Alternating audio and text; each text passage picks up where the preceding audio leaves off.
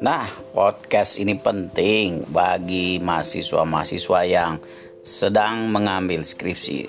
Topik yang menarik tentang bagaimana caranya menghadapi ujian skripsi.